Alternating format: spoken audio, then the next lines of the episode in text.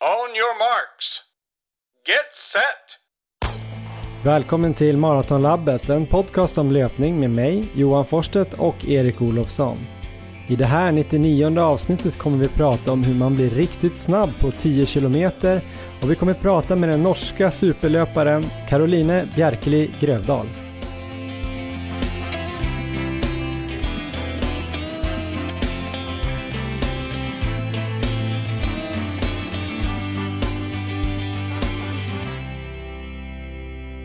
Ja, men då har vi alltså kommit till avsnitt 99 av den här podcasten Maratonlabbet och idag kommer det handla väldigt mycket om träning för att bli riktigt bra på 10 kilometer. Vi kommer intervjua norskan Caroline Bjerkeli Grövdal som ju just nu är en av Europas eh, bästa löpare får man nästan säga. Och så kommer vi prata också lite grann med Viktor Smångs som kanske inte är en av Europas bästa löpare men han har ju gjort en fantastisk eh, fin utveckling de senaste två åren sedan han började springa. Det blir väldigt intressant. Med oss har vi också då direkt från Uppsala, tror jag, Erik Olofsson. Är du där eller är du ute och springer något ultrapass? Jag är här och eh, ja, löpning får börja senare idag helt enkelt. Härligt, härligt. Jag tänkte att du kanske skulle köra inspelningen på något nyinköpt eh, löpband, att du alltid springer numera och har någon sån här eh, veckovolym på 48 mil. Ja, vi är inte där än. Vi kommer nog få höra lite mer om eh, dina ultrapass eh, här om ett litet tag. Först tänkte jag fråga dig Erik, eh, Strava, vad tycker du egentligen om Strava, det här träningsdagboken eller träningscommunityn? Är det bra eller dåligt för löpare att ha en så här offentlig träningsdagbok? Ja, jag tycker det är, eller jag tror att det är otroligt individuellt. För vissa kan det vara jättebra, för mig är det jättebra. Jag tycker det är inspirerande och det som ett enkelt sätt att föra träningsdagbok. När vi började podden då hade jag ju någon sån här fysisk träningsdagbok som jag försökte följa men det var ändå lite svårt. Här sker ju allting så enkelt och sen, eh, det är väldigt lätt att gå tillbaka och jämföra tidigare träningspass. Mm. Så att eh, för mig är det väldigt bra men sen fattar jag att det för många säkert kan ha motsatt effekt. Man kanske får ångest över att andra ser vad man gör och eh, det kanske också påverkar träningen, att man kanske inte vill springa distanspassen i, man tycker kanske att det verkar väldigt långsamt den farten man håller och sen så blir det att man anpassar träningen då av fel anledningar så att det, det kan nog vara både bra och dåligt. Vad tycker du? Men jag har nog tänkt att det har varit eh, ganska bra och stimulerande hela tiden. Vi startade ju 2018 med den här podden och det var väl precis innan dess både du och jag hittade Strava egentligen. Jag visste väl att det fanns och att det var många cyklister som höll på med det innan eh, men då hoppade vi på och började regga där. Jag hade ju gjort eh, min, eh, mina dagboksanteckningar på typ Funbeat eller något sånt där annat. Så det var ju också elektroniskt eller digitalt. Men eh, Strava kändes ju direkt som att det var en bättre plattform sådär och mer tydlig och med statistik och lite mer användarvänlig och snygg och så. Eh, men sen har jag nu på senare tid börjat kanske råkat använda det lite mer som ett socialt medium, nästan som att man scrollar igenom Instagram. Ja. Så kollar man liksom Strava och ge lite kudos och se någons pass och någon rolig bild och kommentera lite. Och, och då har jag märkt att det är ganska så här, det kan också bli rätt skevt eh, just när man ska skriva om sin träning fast det blir liksom offentligt. Det är en grej, att folk skriver saker som man aldrig hade skrivit om man hade haft en träningsdagbok bara för sig själv. Eh, antingen att man blir lite för privat eller att man eh, jag började skriva om hur skogen luktade eller om, eh, jag vet inte, om solen sken härligt på kinden och sånt där. Som man kanske inte skulle göra annars. Jag har också tänkt att, eh, ja men på det här med stressen också, att det just kan bli lite grann att man kanske jämför sig med folk som man vet är ungefär lika bra som en själv och så ser man att de börjar stapla liksom 14 mila veckor eller kör jättesnabb eh, distans eller sätter pass efter pass och så blir det liksom många sådana då, då som man kanske ser som sätter pass efter pass och så tänker man att alla är ute och tränar hela tiden och kör jättebra pass och så kanske man blir lite stressad och sådär. Det har inte riktigt hänt mig än, för jag tycker själv att jag har ganska bra tålamod med min egen träning och är, eh, är ganska lat i sammanhanget men äh, det, det påverkar nog fler än man tror faktiskt. Ja, men det tror jag också. Det är lite synd att det gör det. Man önskar ju att, eh, det bara, att alla skulle få uppleva de här positiva effekterna som Strava ändå kan ha. Eh, men jag förstår ju att det kan bli så. Jag, jag själv känner ju ändå att jag har ju många distanspass till exempel som går i väldigt, väldigt lugn fart och jag, jag är liksom helt okej okay med att det, det spelar ingen roll om någon ser det här. Men... Nej, du är ett föredöme där faktiskt. Att du kan springa liksom 5.27 fart när du tränar. Även innan du började köra Ultra så kunde du göra det fast du gjorde en halvmara på 1.12 liksom.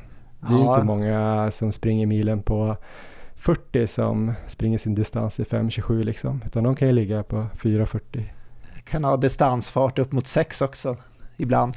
Ja, nej men det är bra på så sätt att man kan eh, ja, men tävla lite kanske på Strava segment även om inte eh, vi har gjort det så himla mycket. Jag har gjort det några veckor här och där.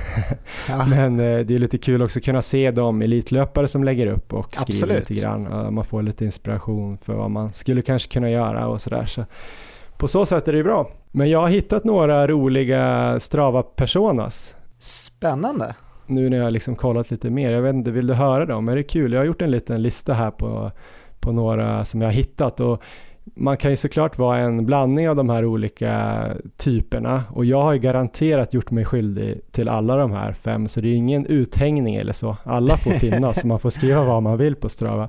Men det är bara lite roligt att, uh, att de här typerna finns. Ja, det här vill jag verkligen höra. Och sen kan vi se då vem du är av de här då, om du måste välja en. Då har vi Första här det är dagboksförfattaren. Det är den här som skriver lite för privat och kanske inte tänker på att det är öppet för alla andra att läsa.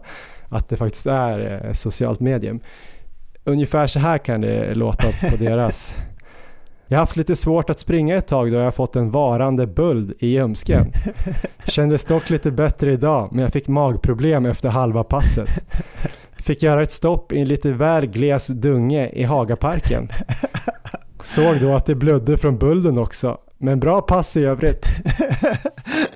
är, det här, är det här alltså, är det här någon som verkligen har skrivit eller kom du på det här själv? Det här är liksom en liten lätt omskrivning av något ah, som förstår. jag kanske har läst någon gång sådär. Sen har vi då nästa typ, det är självkritiken. Det brukar kunna låta ungefär så här. Idag var det jobbigt redan från start. Benen kändes tunga och jag hade kaninpuls. Det började regna halvvägs och i motvinden hem frös jag som en hund.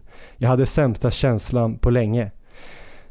Jag hade dessutom glömt nyckeln och jag var utelåst när jag kom hem så jag fick vänta utanför. Tänkte då köra lite styrka men jag är så oerhört svag just nu så jag orkade inte. ja, och jag känner igen det här också. Ja, det är en rolig personlighet. Sen har vi smygskrytaren. Jag vet inte om det är en smygskrytare men lite så humble brag typ. Det var ju du inne lite på tidigare, men då kan det låta lite så här. Det här kanske är då en 40 eh, minuters löpare då på milen då som har milfart 4.00. Lätt distans hem från jobbet. Sprang med ryggsäck och hade svårt att få grepp i snömodden. Men jag fick in lätta 10k in på kontot så jag är nöjd ändå. Och så har de sprungit liksom i 4.30 fart. Ja, ah, jag förstår. Så den var du inne lite på, att man kanske springer lite för snabb distans men sen så skriver man att det är lätt distans. Ja, smygskrytaren. Mm. Sen har vi snokaren. Och det är ju inte någon som kanske skriver så mycket själv på sin egen men det är en person som dyker upp i andras kommentarsfält och tittar väldigt noggrant på andras pass och, och skriver massa frågor om eh, ja, hur lång vila var det och hur vilade du, var det joggvila och vilken fart och kanske frågar om olika skor eller kommenterar om ja, pulsen såg annorlunda ut idag än på ditt förra pass.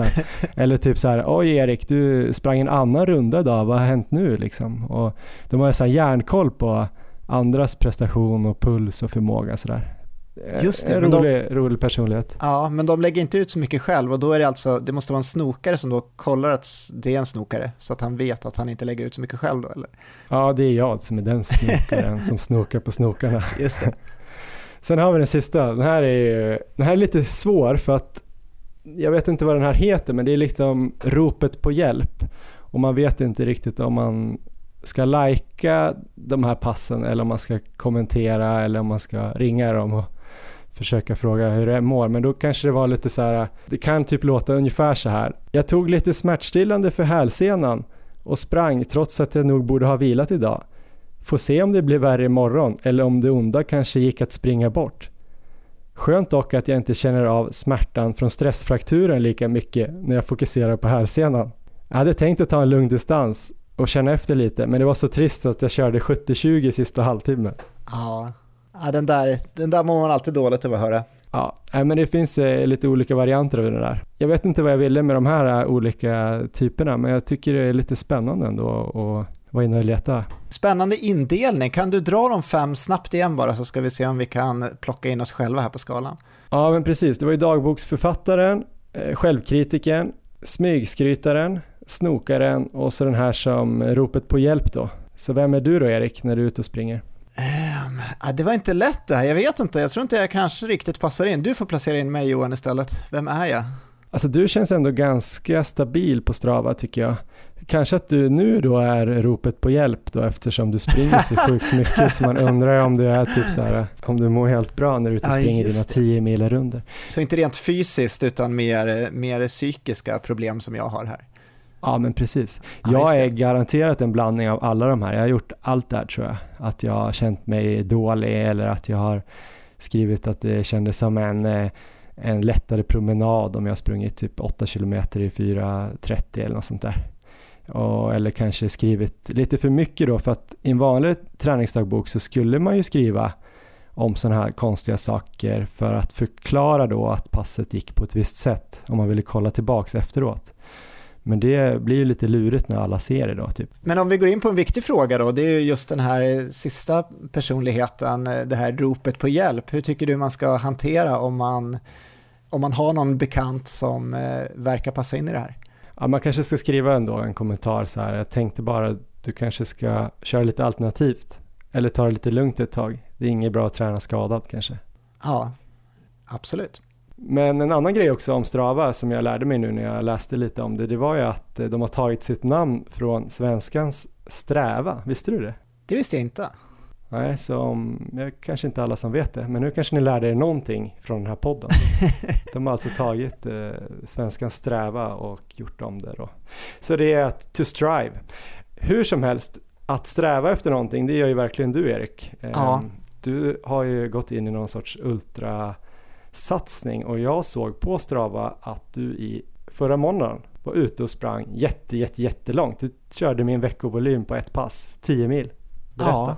ja, vad ska man säga? Jag, jag tror jag börjar tappa begreppen här lite. Det har liksom blivit, eh, det har blivit nya rutiner när långpassen har blivit eh, distanspass och så sitter man och planerar för så här pass som pågår hela dagen.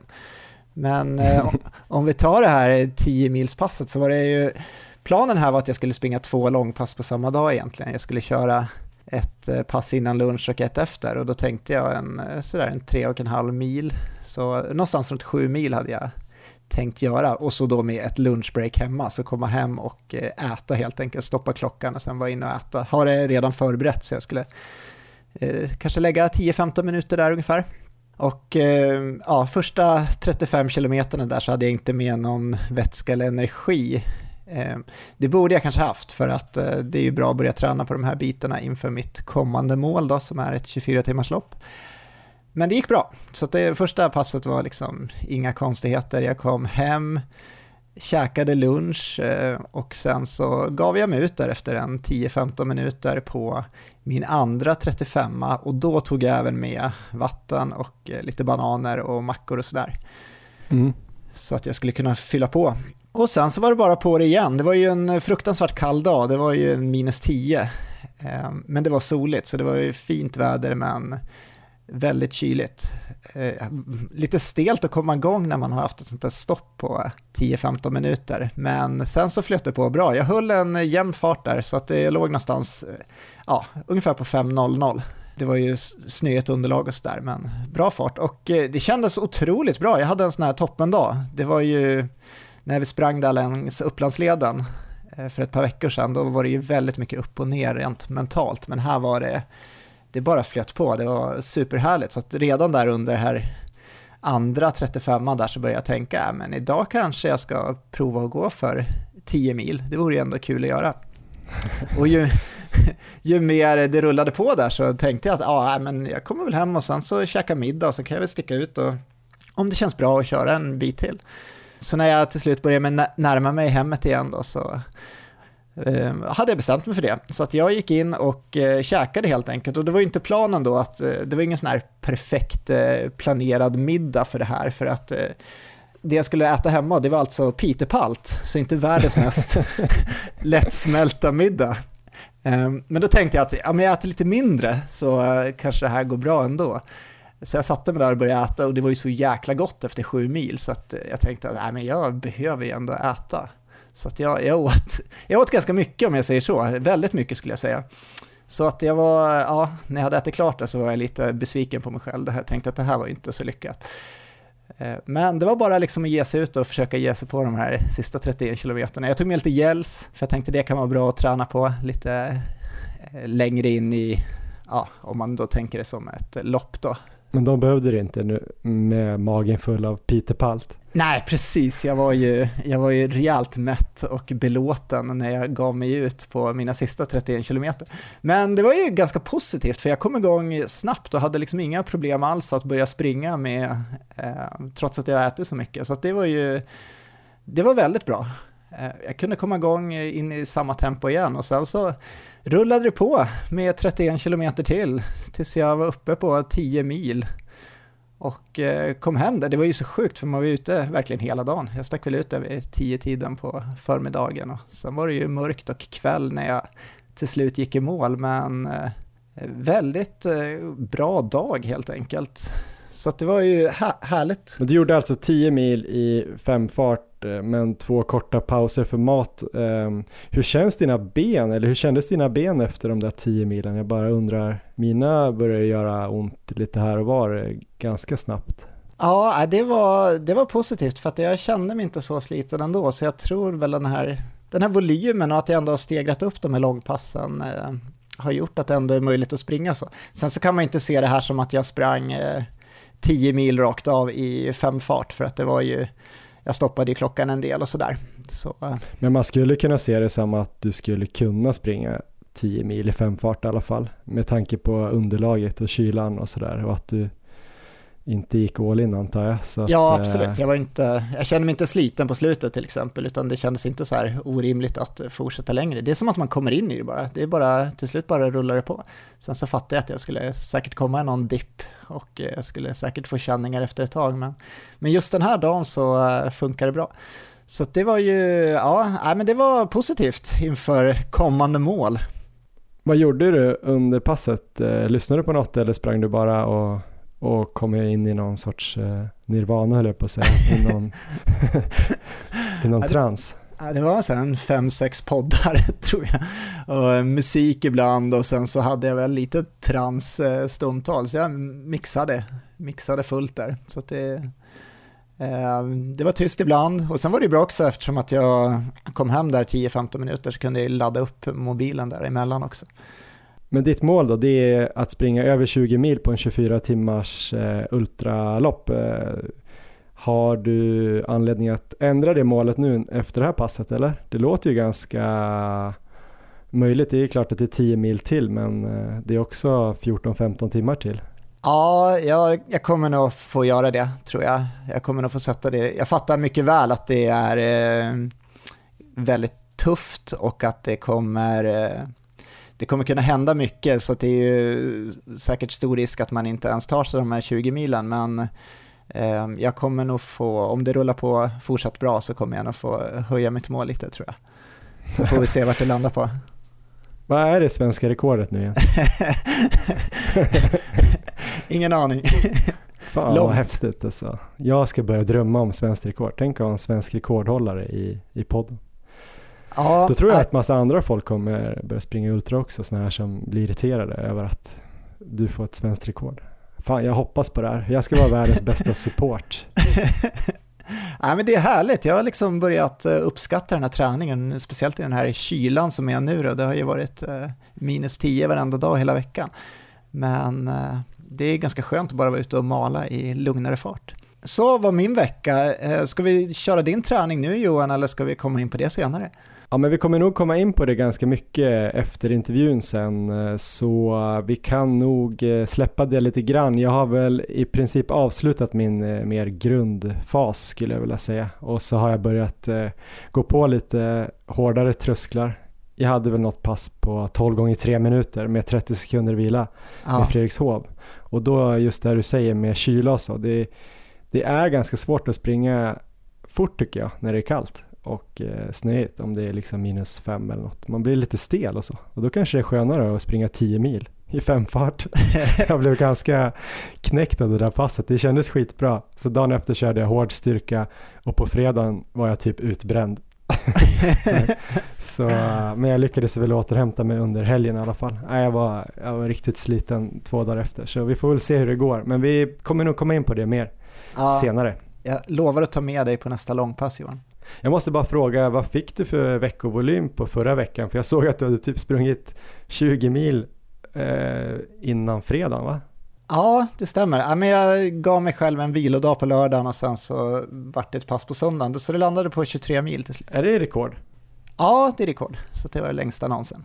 Ja, härligt. Då är du en sån här Strava-hetsare. Det kanske var en, en sista persona som inte jag hade tagit upp där. En sån där som är galen och hetsar alla andra att höja volymen. Ja, det kan vara så.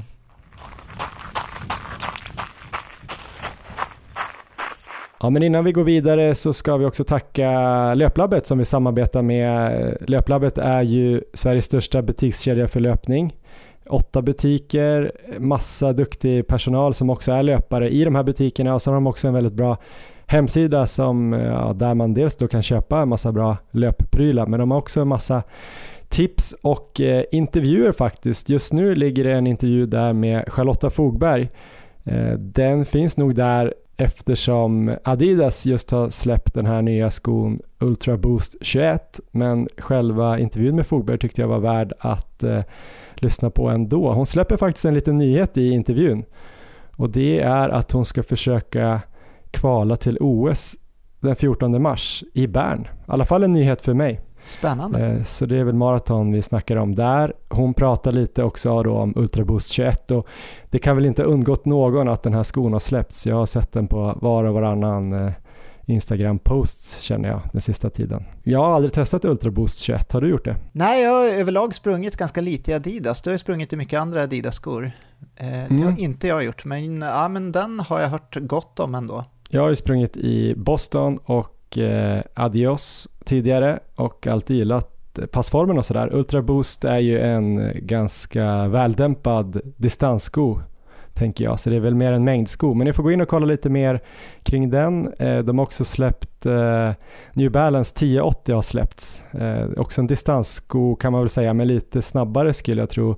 Den hade ju du i fjol och gillade väldigt mycket. Ja, den springer jag mycket i. Den var bland annat med på det här långa passet, i alla fall under ett par mil. Eh, studsig distanssko tror jag och lite rappare. Jag har inte provat den men eh, gå in och kolla på löplabbet.se. Där finns det också en skoväljare som kan hjälpa er att hitta rätt sko för rätt ändamål.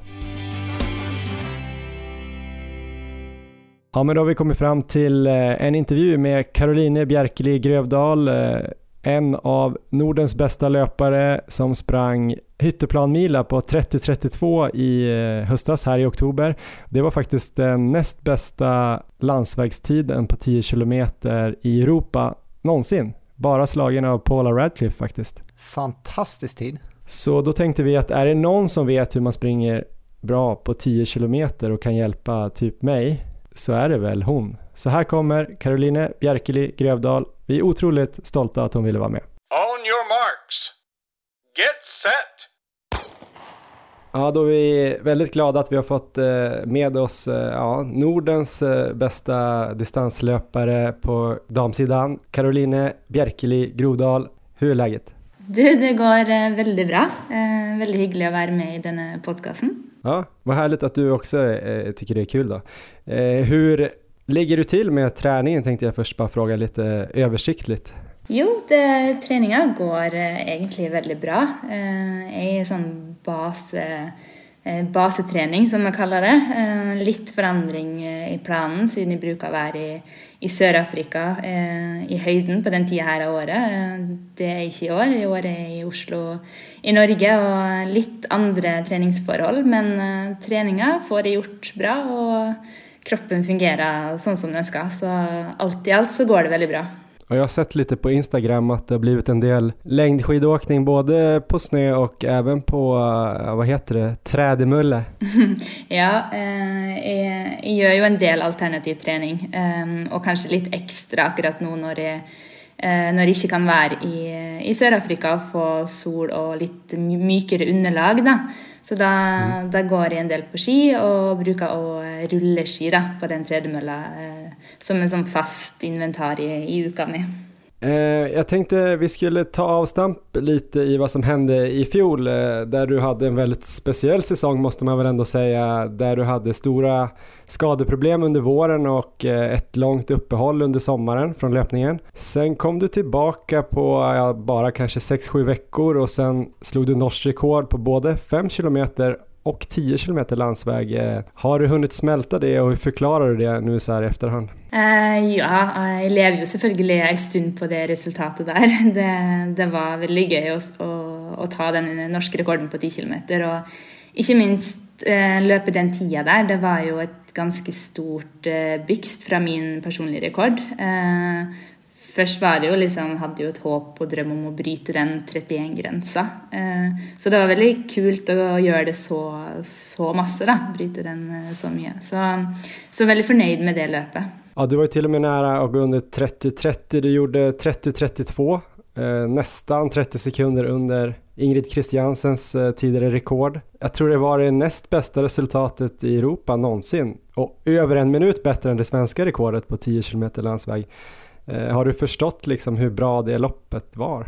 Uh, ja, det, jeg var jo veldig overraska når jeg kom i mål og, og så tid. Jeg visste jo underveis at, uh, eh, at kroppen var veldig bra, og at jeg at de lå an til en god tid, men jeg løp uten klokke. og ja, Du er litt sånn boble når du springer, så jeg, var, jeg tenkte ikke at jeg var Jeg tenkte først og fremst ok, jeg tror jeg klarer å ta den norske rekorden, som var rett under, under 31, men jeg, var, jeg, tenkte ikke at jeg løp nærmere 30-30, som, som, jeg faktisk gjorde. Så, så, jeg var litt sjokkert når jeg kom i mål, eh, uh, samtidig som det var liksom en dag der absolutt alt stemte, da. Så det var veldig deilig. Det där med att springa utan klocka, det provade faktiskt jag på eh, ett halvmaraton här i höstas. Eller jag tejpade över klockan för jag ville ha statistiken efteråt. Men jag försökte inte veta hur det, hur det gick. Hur eh, tyckte du att det funkade för dig på, på det loppet? Jag tror det var väldigt viktigt eh, för det löpet där. Ehm, väldigt många gatelöp och, och alltså, alla banelöp så springer jag aldrig med, med klocka. Ehm, men i vart fall nu efter den sommaren jag hade haft och jag var Eh, usikker på form, usikker på hvor jeg var, eh, så tenkte jeg her er det viktig å ikke bli stressa av klokka eh, og kilometertidene. Så, så, jeg bestemte meg egentlig at uh, nå skal jeg bare løpe på, på følelse. Jeg hadde, hadde, en veldig fint felt med, med, noen gutter som jeg bruker å trene med, så jeg visste jo hvor fort de skulle springe. Så planen var egentlig bare å henge på dem så, så lenge jeg klarte, og egentlig ikke tenke noe mer enn det. Du pratar ju väldigt mycket i den här norska podcasten som vi gillar, Ide Lange Löp. Eh, där var du med i oktober, en vecka efter den här, eh, den här fina insatsen på Hytteplan Mila. Ehm, där pratar ni ju väldigt mycket om den här tiden ja, mellan mars och loppet egentligen, när du hade lite skadeproblem och hade en lång period utan eh, löpning och sådär. Men jag tänkte att vi skulle prata lite om basperioden förra året. Du nämnde där i den intervjun att du tog nog stora kliv där på, på vintern. Vad, vad var det som gick så bra då och vad gjorde du då? Ja, jag har fått masse spørsmål om, eh, om først og fremst hva, hva jeg gjorde i sommer for å løpe så fort i oktober. Og eh, svaret er nok ikke på det jeg gjorde fra mars til oktober, for det var, var ikke veldig masse løping. Eh, men jeg, jeg, var i veldig god form i mars når den skaden kom. Eh, mitt livsform, egentlig. Eh, og egentlig hele vinteren fra, eh, altså fra oppkjøringa i 2019 eh, til EM terrengløp i desember og fra januar 2020, da, så gikk egentlig alt eh, på skinner. Eh, Fikk trent bra og uten avbrekk. Eh, var i høyden i Sør-Afrika i januar. Eh, kom hjem i februar og, og, og, trente veldig bra og kjente allerede da at jeg hadde tatt et løft, eh, spesielt på på det vi kaller terskeltrening. Da. Eh, at der hadde de tatt et, et byks, et lite steg. Um, Så når jeg fikk den skaden i mars, så, så var, jeg, var, jeg, på mitt beste. Eh, og så har, har, jeg da klart å holde det Altså, kroppen glemte ikke det steget jeg tok i vinter, da. Eh, selv om det måtte gå helt til oktober før jeg fikk eh, vist det igjen. Du var ju på väg, eh, nu vet jag inte hur det blev med den där halvmaran i Prag, den kanske blev inställd på grund av ja. Eh, corona, men du blev ju skadad. Vad hade du några planer på någon tid där, där i, i halvmaran i, i Prag där i mars? Ja, altså jeg hadde, jo, jeg hadde jo den i fokus egentlig fra januar-treninga. Eh, at de skulle prøve liksom oppkjøring mot eh, pra, eh, halvmaraton i mars. Um, så jeg gjorde litt om, ikke veldig om på treninga, men jeg løp litt lengre drag, litt mer sammenhengende intervaller for å være klar til en halvmaraton. Um, så målet mitt altså Det er vanskelig å si hvor fort de kunne løpt der, men eh, uh, personlig rekorden min er jo 1,09, som var satt i 2012. Så är jag ganska säker på att de hade kommit och tagit den, i alla fall. Så, um, så det var väldigt dumt att eh, ja, en vecka före det löpet så blev det avlyst. Mm. Jag tänker om man skulle kanske kunna gå in lite mer på uh, någon vecka där under grundperioden. Är du också i samma skola som de andra norrmännen som man hör om? Alltså typ Ingebrigtsen med dubbla tröskelträningar eller terskelukter som ni säger.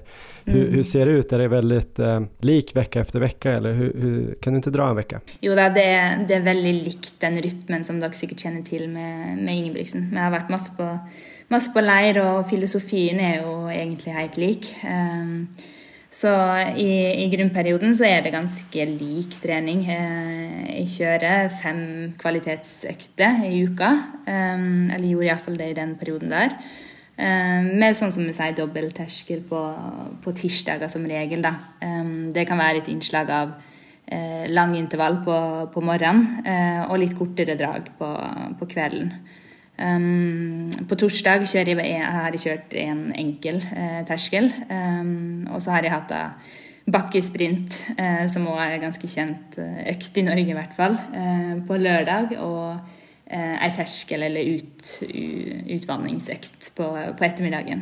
Så det er ganske lik rytme som veldig mange løpere eh, Jeg tror i hvert fall i Norden begynner å kjøre. da. Den her back, backpasset som är så känt i Norge brukar ju vara 2 gånger 10 gånger 200, är det det du kör också eller? Ja, men jag körde 20 gånger eh, 200 utan pause. så det är helt lik, men ingen seriepause. Ah, Okej, okay. du är ja. lite hårdare än... Ja, lite hårdare än gutta, det är viktigt.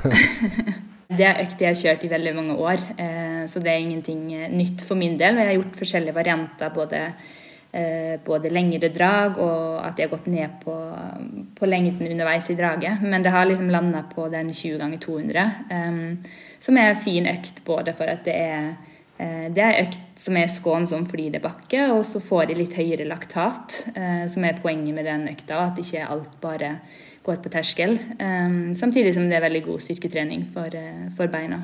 Jag tänkte där, du gjorde lite annorlunda med dubbla tröskelpass på tisdagen och sen då ett enkelt tröskelpass på torsdagen. Är det passet då lite längre än de tröskelpassen på tisdagen eller är det mer för att inte få för hög belastning totalt? Nej, det är egentligen mest för att jag har funnit ut att, uh, att att köra dubbel både tisdag och torsdag har blivit lite för massor för min del. Uh, så det er egentlig en ganske lik økt. Det kan være 10 ganger 1000 meter som, som standard. Så volumet er ikke noe høyere på, på, torsdag. Det er rett og slett bare at jeg har funnet at det, det er det som eh, kroppen min tåler. Eh, så derfor holder jeg meg til dobbel bare én dag. Och den här perioden som du rullar på ungefär likadant vecka ut och vecka in, eh, hur lång är den? Altså det, det, er litt med den rytmen der, og den rytmen i kjøret er ganske lik eh, ganske store deler av året, egentlig. Selvfølgelig utenom akkurat midt på sommeren. Um, ehm, men, eh, men, den perioden der kan du si at jeg begynte med eh, jeg begynte med et EM-terrengløp eh, i desember, og da går jo den egentlig fra slutten av desember til januar til, til mars, og gjerne kanskje ut i april. Og det kommer jo litt an på om en om det er konkurranser, men om det er konkurranser, så slipper jeg kanskje bare litt opp eh, eh ei uke før, eller tar Ja, det kommer jo litt an på hvilke konkurranser. Men stort sett så går den egentlig helt till, eh, till april. Om du skulle, du är ju inte tränare, du är elitlöpare, men om du skulle vara tränare och skulle träna en motionär, det är många som eh, tränar ganska hårt men inte är så duktiga och inte har tid att träna lika mycket eller inte håller för lika mycket. Men om man ska springa, vad säger man, 7, 8, 9, 10 mil i veckan, hur, hur skulle du lägga upp en sån vecka för motionär? Uh, ja, det er, det er, alltid litt vanskeligere uh, for min del. Men uh, hvis fokuset er på, på 10 km og, og løpe fort der, så, så vil jeg kanskje hatt i hvert fall kjørt to, to intervaller, eller to kvalitetsøkter. da. Um, der gjerne kanskje en av dem var litt längre drag. Eh, sex minuter, tio minuter eller två eller tre kilometers drag, eh, där du har lite roligare fart än en tio kilometer. Eh, och så ville jag ha ei, ei økt där du var lite kortare drag, eh, med lite mer fart, och gärna kanske lite progressivt. Ehm, så du er litt raskere enn ehm, ti kilometer farta di, da. Um, ehm, så jag tror kanske jag ville prioritert liksom, ja, de to, eh, i tillägg till, eh, tillägg till en lång tur. Det här andra passet då som eh, kanske går lite fortare med kortare drag, skulle det kunna vara, ofta hör man ju om att ni kör 20 gånger 400 eller, mm. eller 45-15. Ja, typisk sånn økt. Nå på vinteren så, så syns jeg det eksempel altså For min del så kjører jeg jo da 30 ganger 45-15, der jeg begynner, begynner litt lavere enn min terskelfarta mi, da, som jeg sier. Eh, og så går jeg ganske masse over på slutten.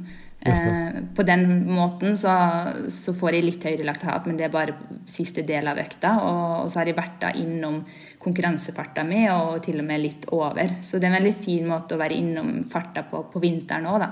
Intensitetsmässigt då på det passet, hur mycket över sin laktat, övre laktattröskel får man gå höll jag på att säga för att det inte ska bli för hårt? Nei, det, det, er jo litt vanskelig å si. For på sånn økt så, så, har jeg brukt som regel og målt bare når jeg er ferdig. Fordi det har jo litt praktisk betydning når det er 15 sekunder pause.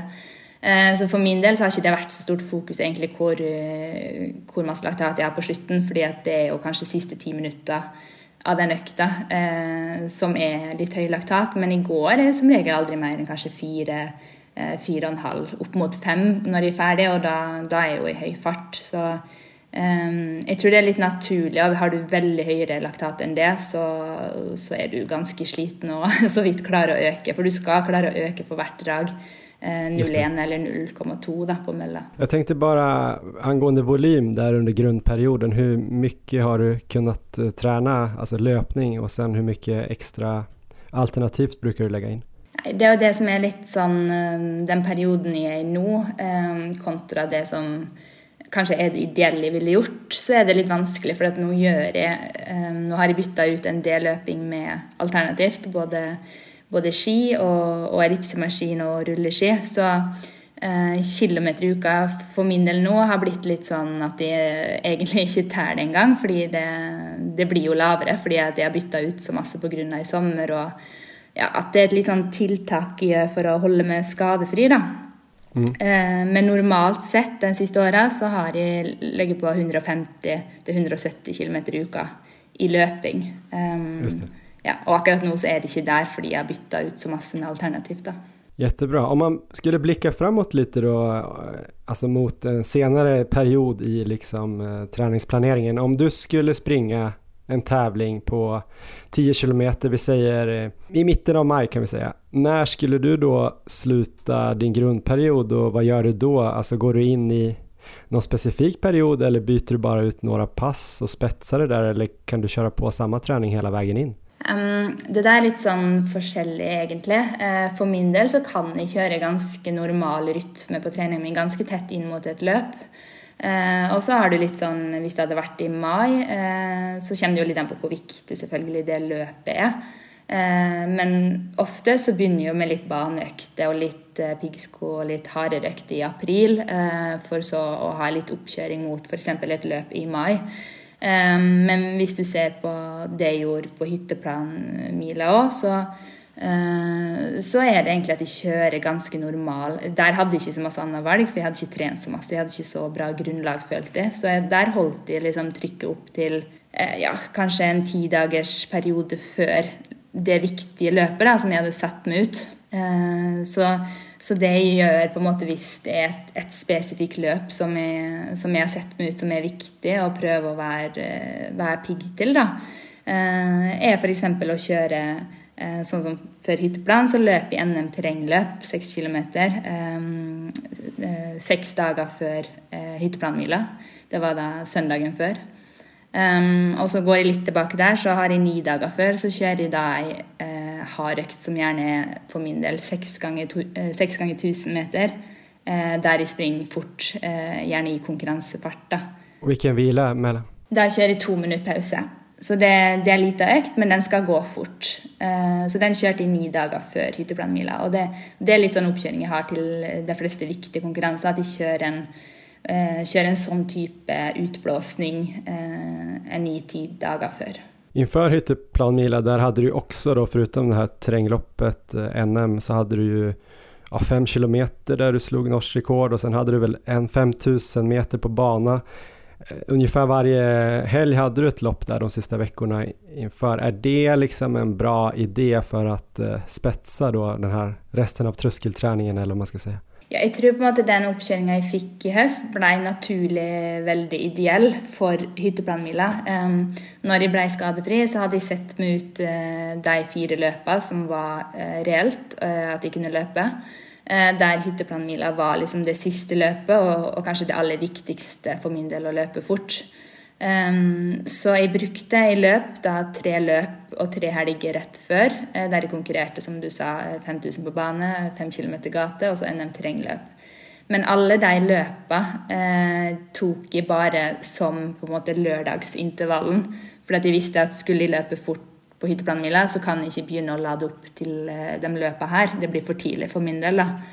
Eh, så egentlig så tok jeg dem bare som eh, konkurransetrening. Det hadde jo vært lenge uten konkurranse òg. Så egentlig bare den siste, det NM terrengløp, fra da begynte jeg å, å, slippe opp. Så jeg kjørte veldig lett siste uke før hytteplanmila.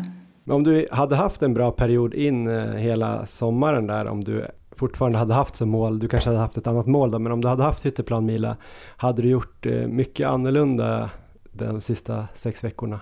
Um, det er vanskelig å si, for normalt sett når det er oktober og jeg skal løpe hytteplanmila, så har jeg har jeg hatt litt sesongpause og egentlig akkurat starta igjen. Eh, så jeg har kanskje aldri på en måte vært i min beste form i oktober, som er naturlig eh, hvis du har en normal sesong.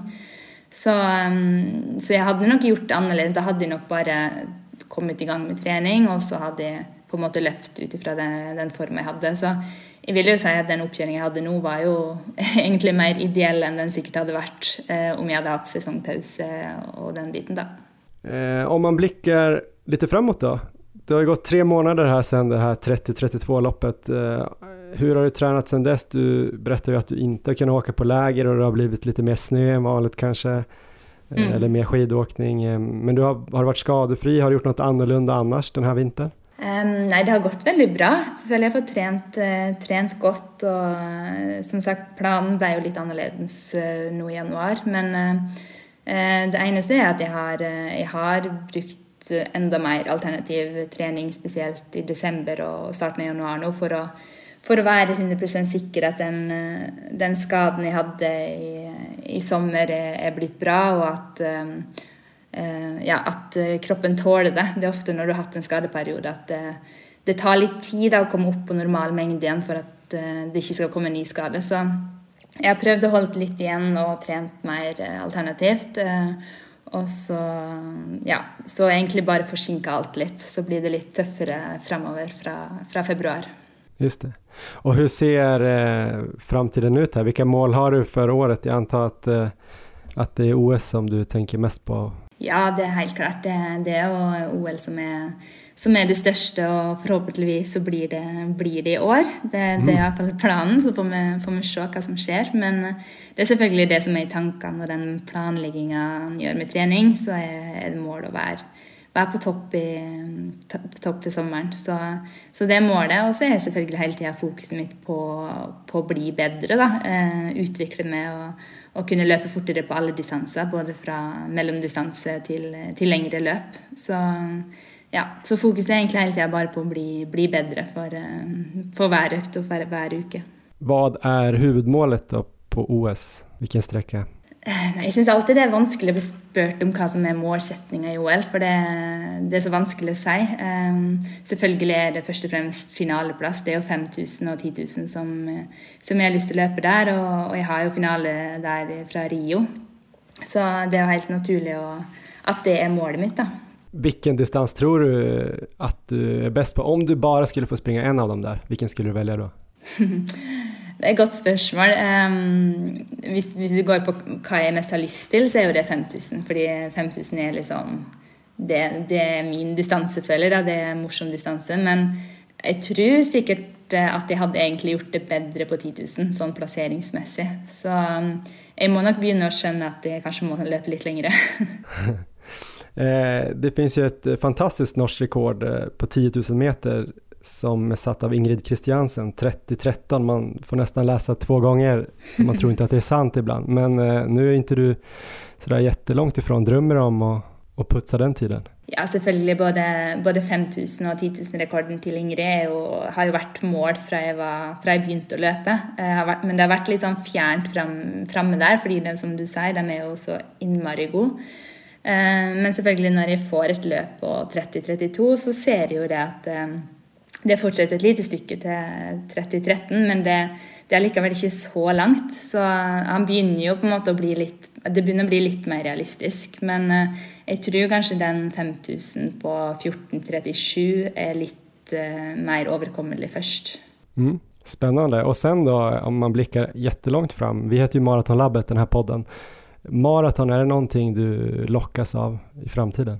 Eh, ja, eh, sånn hvis de ser eh, frem i tid, så er det selvfølgelig noe jeg kommer til å prøve meg på og, og vil, men eh, jeg er ikke der enda. Jeg syns fortsatt det er fryktelig langt. og, og, jeg har et sånn inntrykk at maratontrening òg er veldig masse, masse, løping og masse mengdetrening, selv om jeg tror ikke alle må, må ligge på over 200 km i uka. Men uh, foreløpig så føler jeg at jeg har litt mer jeg vil gjøre på, på banen. og så ja, så går det ju den vägen mot maraton, men det, det är ingenting som hastar med det. Stort lycka till med allt du företar dig och allt du springer. Tusen tack för att du ville vara med. Tusen tack för att jag fick vara med. Ja, men det där var alltså Caroline Bjärkli Grövdal och eh, jag tyckte att jag fick ut eh, ganska mycket intressanta saker från den här intervjun som jag kanske kan använda mig av i min träning. Eh, vad tänkte du om intervjun, Erik? Ja, angående intervjun så cred, cred till dig Johan för alla norska termer du lärt dig. Är det så här? Jag är lite orolig att jag sa fel på några där, men eh, det är möjligt att jag hade rätt uttal och rätt bokstäver. Jag har ingen aning. Är det från i Lange löp eller är det att din kusin Daniel bor i Oslo som gör att du ändå hanterar det här så bra? Jag skulle säga att det är tre saker. Det är Ide Lange löp, min kusin Daniel som bor i Oslo då, så jag kan åka ibland dit och, och, träna lite. Och sen eh, när jag växte upp i Östersund så var det ju ganska nära till Trondheim. Just det. Vi var där och spelade fotboll eh, ganska ofta. Eh, så det är därför jag har sån perfekt norska. Men om vi lämnar det och sen går in på innehållet var det ju superintressant tycker jag. jag tycker vi får ut väldigt, väldigt mycket som vi säkert kommer komma in på nu angående träning. Men eh, vi kan väl prata lite inför race, för det tyckte jag hon var, hade bra tankar om. Och just mm. här inför Hytteplanmila när hon körde bland annat ett 6 eh, km terränglöp. Det där tror jag på, att få den här riktiga genomköraren cirka en vecka innan huvudmålet. Mm. Jag kommer ihåg 2019 när jag överraskade mig själv och sprang sub, 2, sub 34 första gången så hade jag ju sprungit Hässelbyloppet cirka 10 dagar innan på 34.30 och sen så sprang jag 33.30 då, tio dagar efter. Ehm, och jag tror just den där ehm, urladdningen, alltså dels kommer det driva på formen, men även att liksom rent mentalt eh, ha varit där och krigat och veta den här, den här härliga känslan Johan som du kommer få uppleva nu under ditt 10K-lopp senare. Så att eh, något sånt där måste vi komma ihåg att lägga in till dig där. Hon hade väl också 6 gånger 1000 i tävlingsfart 9-10 dagar innan race tror jag. Just det. Ehm, så kanske inte köra lika mycket lopp som man hade gjort innan, men definitivt ha liksom en plan att ha ett lopp innan eller ha något sånt här specifikt pass som du får göra. Ja, men jag tror faktiskt att hennes eh, sista period där in mot loppet blev ganska bra med tanke på att hon tävlade nästan varje helg och det är ju någonting som jag inte har gjort så mycket tidigare. Och det kommer jag definitivt eh, lägga in och det kommer vi nog prata om ännu mer längre fram, för jag har ju tänkt att jag ska göra den här sub 34 någon gång i juni. Så det kommer vi återkomma till. Jag tror vi kommer snacka med fler duktiga löpare om just den specifika fasen senare i vår också. Men det som jag tänkte att vi kanske skulle prata lite mer om nu, det är väl den här tiden i, ja, vad ska man säga nu, februari, mars, april, kanske in i maj, vad jag ska göra då egentligen. Och eh, när man lyssnar på Caroline här så hon tränar ju väldigt norskt ja. med flera kvalitetspass men väldigt kontrollerade kvalitetspass och kanske något pass där de drar på sig lite mer laktat. Eh, hon hade väl fem kvalitetspass men en då dubbeltröskel istället för två dubbeltrösklar. Men då körde hon väl ett eh, dubbelpass på lördagen här när hon körde tröskel efter eh, backpasset så det blev ju ändå två dubbeldagar där med kvalitet. Ja, precis. Och då blir man ju alltid sugen när man lyssnar på de här som har blivit så himla bra och även då kanske Andreas Almgren som vi hade med i början av 2020 som också hade startat och tränat efter det här som då Kalle Berglund hade gjort då som i sin tur hade tagit från Ingebrigtsen eller inspirerats från Ingebrigtsen och så känner man så här, ja, de gör det här en grundträningsperiod och sen blir den skitbra. Då borde ju alla göra det här och i, i Delange löp finns det också en jättebra intervju med en, en normal kille så att säga som var någon fotbollsspelare i division 5 om jag inte kommer ihåg fel som började träna mer löpning och eh, efter ett tag då började springa exakt efter den här modellen och ökade volymen. Och han har väl också kommit ner typ så på 30 låga eller någonting. Jag kommer inte ihåg exakt vart han landade. Och han var ju ingen så här stor talang.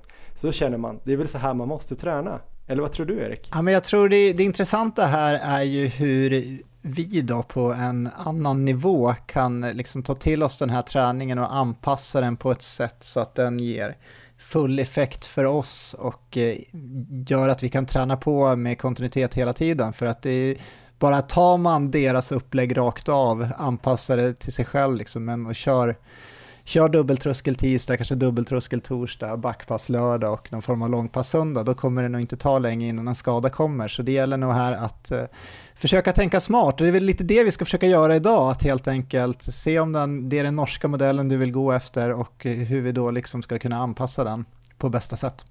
Mm. Ja, men för jag känner så här att jag har väl, om man snackar lite periodisering då, som vi har pratat om förut då, alltså träningsplanering egentligen.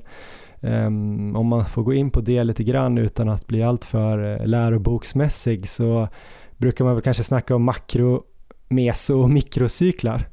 Uh, eller cykler. Och uh, då tänker jag så här, min grundplanering känns ganska tydlig egentligen. Då har jag haft ungefär tio veckor nu med någon typ av grundfas som jag hade delat upp i, i två faser. En efter maran där, MLM, där jag bara försökte komma tillbaks till eh, att springa igen och komma upp på lite högre volym än i fjol. Så jag tog mig upp på 10 mil, fem veckor, ja. istället för kanske 8 mil som jag ungefär snittade 2020.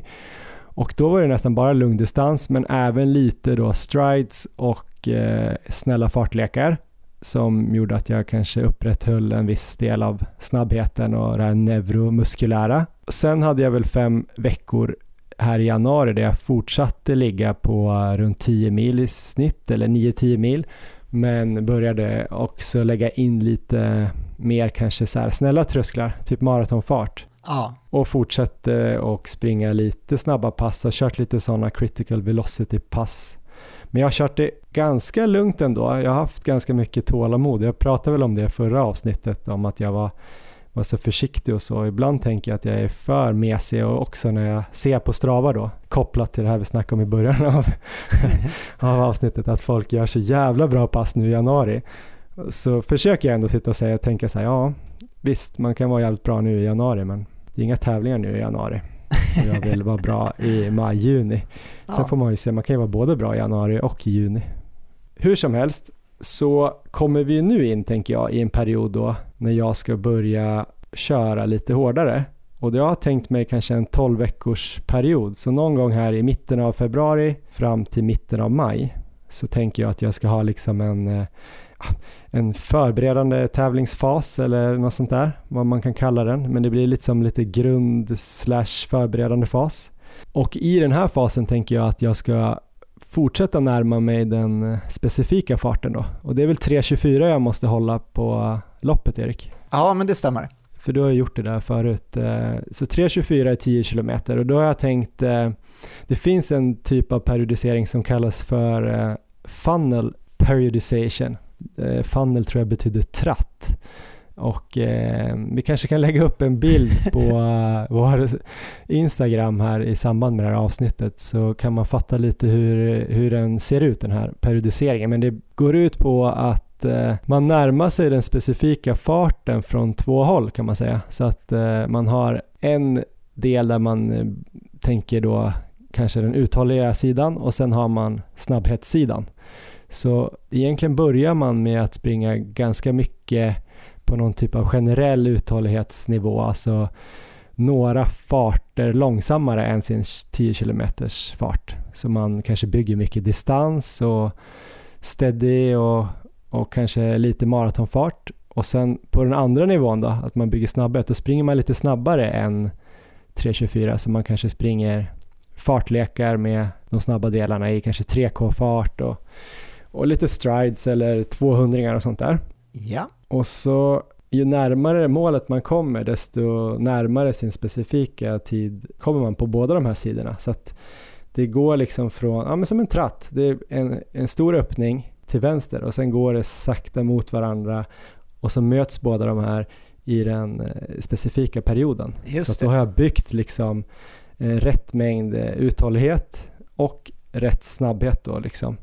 Och så bygger jag ihop det här så jag både kommer vara snabb och uthållig i juni. Det här låter väl fantastiskt? Alltså rent teoretiskt så låter det här som att det, det är redan klart.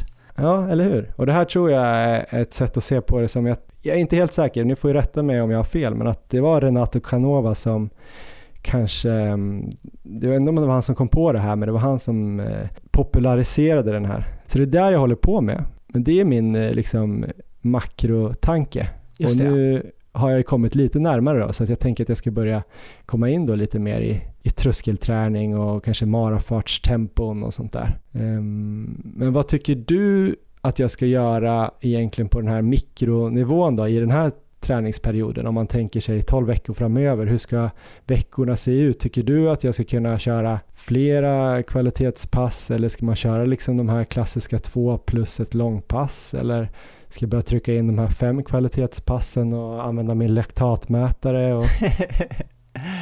Eh, jag tycker kanske den här, eh, om vi skulle kopiera Carolinas upplägg till exempel, så tror jag att det skulle bli väl tufft. Jag tror ju att ett dubbeltröskelpass i veckan för dig, det ska i alla fall vara med. För det, mm. det tror jag du behöver. Så det, eh, har du möjlighet rent tidsmässigt sådär, det där har vi varit inne på förut, att man kanske har ett jobb där man jobbar 8 till 4, eh, måndag till fredag, då kanske inte det finns möjligheter för dubbeltröskel. Men har du det så tycker jag det är bra, annars får du lägga ett enkelt tröskelpass helt enkelt på den dagen. Men sen så, jag gillar ju critical velocity som vi har varit inne på mycket, eh, som vi fick eh, myntat där av Tom Swartz. Så att det är ju någonting som jag tycker att eh, du bör tänka på att ha med i träningen. Och det blir ju lite också att den här farten du pratar om som är lite snabbare än 10K-farten får man in just där då eftersom att vi är ju inte så snabba att vi springer eh, 10 km på 30 minuter och critical velocity är ju den farten man klarar av att hålla ungefär i 30 minuter. Så då, då får ju du helt enkelt en lite snabbare fart där. Jag testade ju faktiskt eh, lite i mars i fjol att träna efter eh, Andreas Almgrens upplägg då han körde väl ungefär 16 eh, mil i veckan tror jag, 15-16 mil. Och jag tänkte så här, ja, men jag gör om det till att göra ungefär 10 mil då. Eh, och så gick jag efter tiderna han sprang på på dubbeltrösklarna, alltså inte hans farter utan hans intervaller. Om han körde 5 gånger 6 minuter så tänkte jag att jag också kunde köra 5 gånger 6 minuter eller kanske 5 gånger 5 på första passet som var lite mer ja, låg tröskel och sen på eftermiddagen då kanske han körde 10 gånger 1 kilometer men då är det ungefär 10 gånger 3 minuter för honom. Ja. Och då körde jag 10 gånger 3 minuter så kanske ja, vad kan det bli då, 10 gånger 872 meter och ibland kanske jag bara körde 8 då, då, så det blev lite mindre volym och sen körde jag inte dubbel eh, distanspass för det blev för mycket liksom. Och eh, det där kändes ju jävligt bra i typ några veckor men jag Ja. blev ju strax därefter, jag gjorde ju en bra halvmara där när du kvalade till SM Ja, eh, där det kändes ganska lätt att springa under 1.18 vilket då var pers med en minut. Men sen fick jag ju också väldigt stora problem med min framförallt högra hälsena så jag tror det blev lite slitigt den där perioden i mars. Så jag är lite orolig för att göra liksom ja, kanske dubbla dubbeltrösklar och det låter ju lite hårt också. ja, Men så inför den här våren har jag funderat lite på att göra någon ny variant av det här tröskelsystemet om man ska kalla det det. Att man kanske inte kör dubbeltrösklar så himla ofta. Man kanske kan göra det någon gång men att man kanske kör typ tröskel måndag, tröskel onsdag och så kanske tröskel plus backe på fredag fast man kör alla de passen kontrollerat så att man inte man kanske går lite hårdare på slutet på backarna för då kanske man har långpass på lördagen. Men det blir liksom som ganska mycket tröskel men det blir inte det här, de här hårda dubblarna. Ehm, så det är ju en tanke men sen så tycker jag också att det låter väldigt lockande att köra typ eh, Tom Schwartz critical velocity och kanske köra hans kombopass att man avslutar med lite strides eller 200 och sånt där så man får ganska mycket snabb löpning och jag tycker ju det är roligt så att säga. Ehm, men med det första upplägget, då är det alltså en vilodag mellan kvalitetspassen då eller? Ja men precis och då kör man ganska lugnt. Ehm, men vi kanske kan komma tillbaks till det för att jag har ju funderat på det här så himla mycket och sen när jag var ute och sprang med en kille som heter Viktor Smångs så visade det sig att han har tränat lite på ganska många olika sätt under den här korta perioden han faktiskt har tränat riktigt hård löpning. Han eh, började ju springa typ 2019 lite mer seriöst och är ju nu efter bara två år nere på ja men typ på Caroline eh, Bjerkele Grövdals nivåer här runt 30-30. Eh, och han har ju hunnit springa både lite så här klassiskt måndag, onsdag, hårda intervaller och sen lördag långpass. Han har kört eh, Tom Schwartz modell typ med Kul. critical velocity och tempon.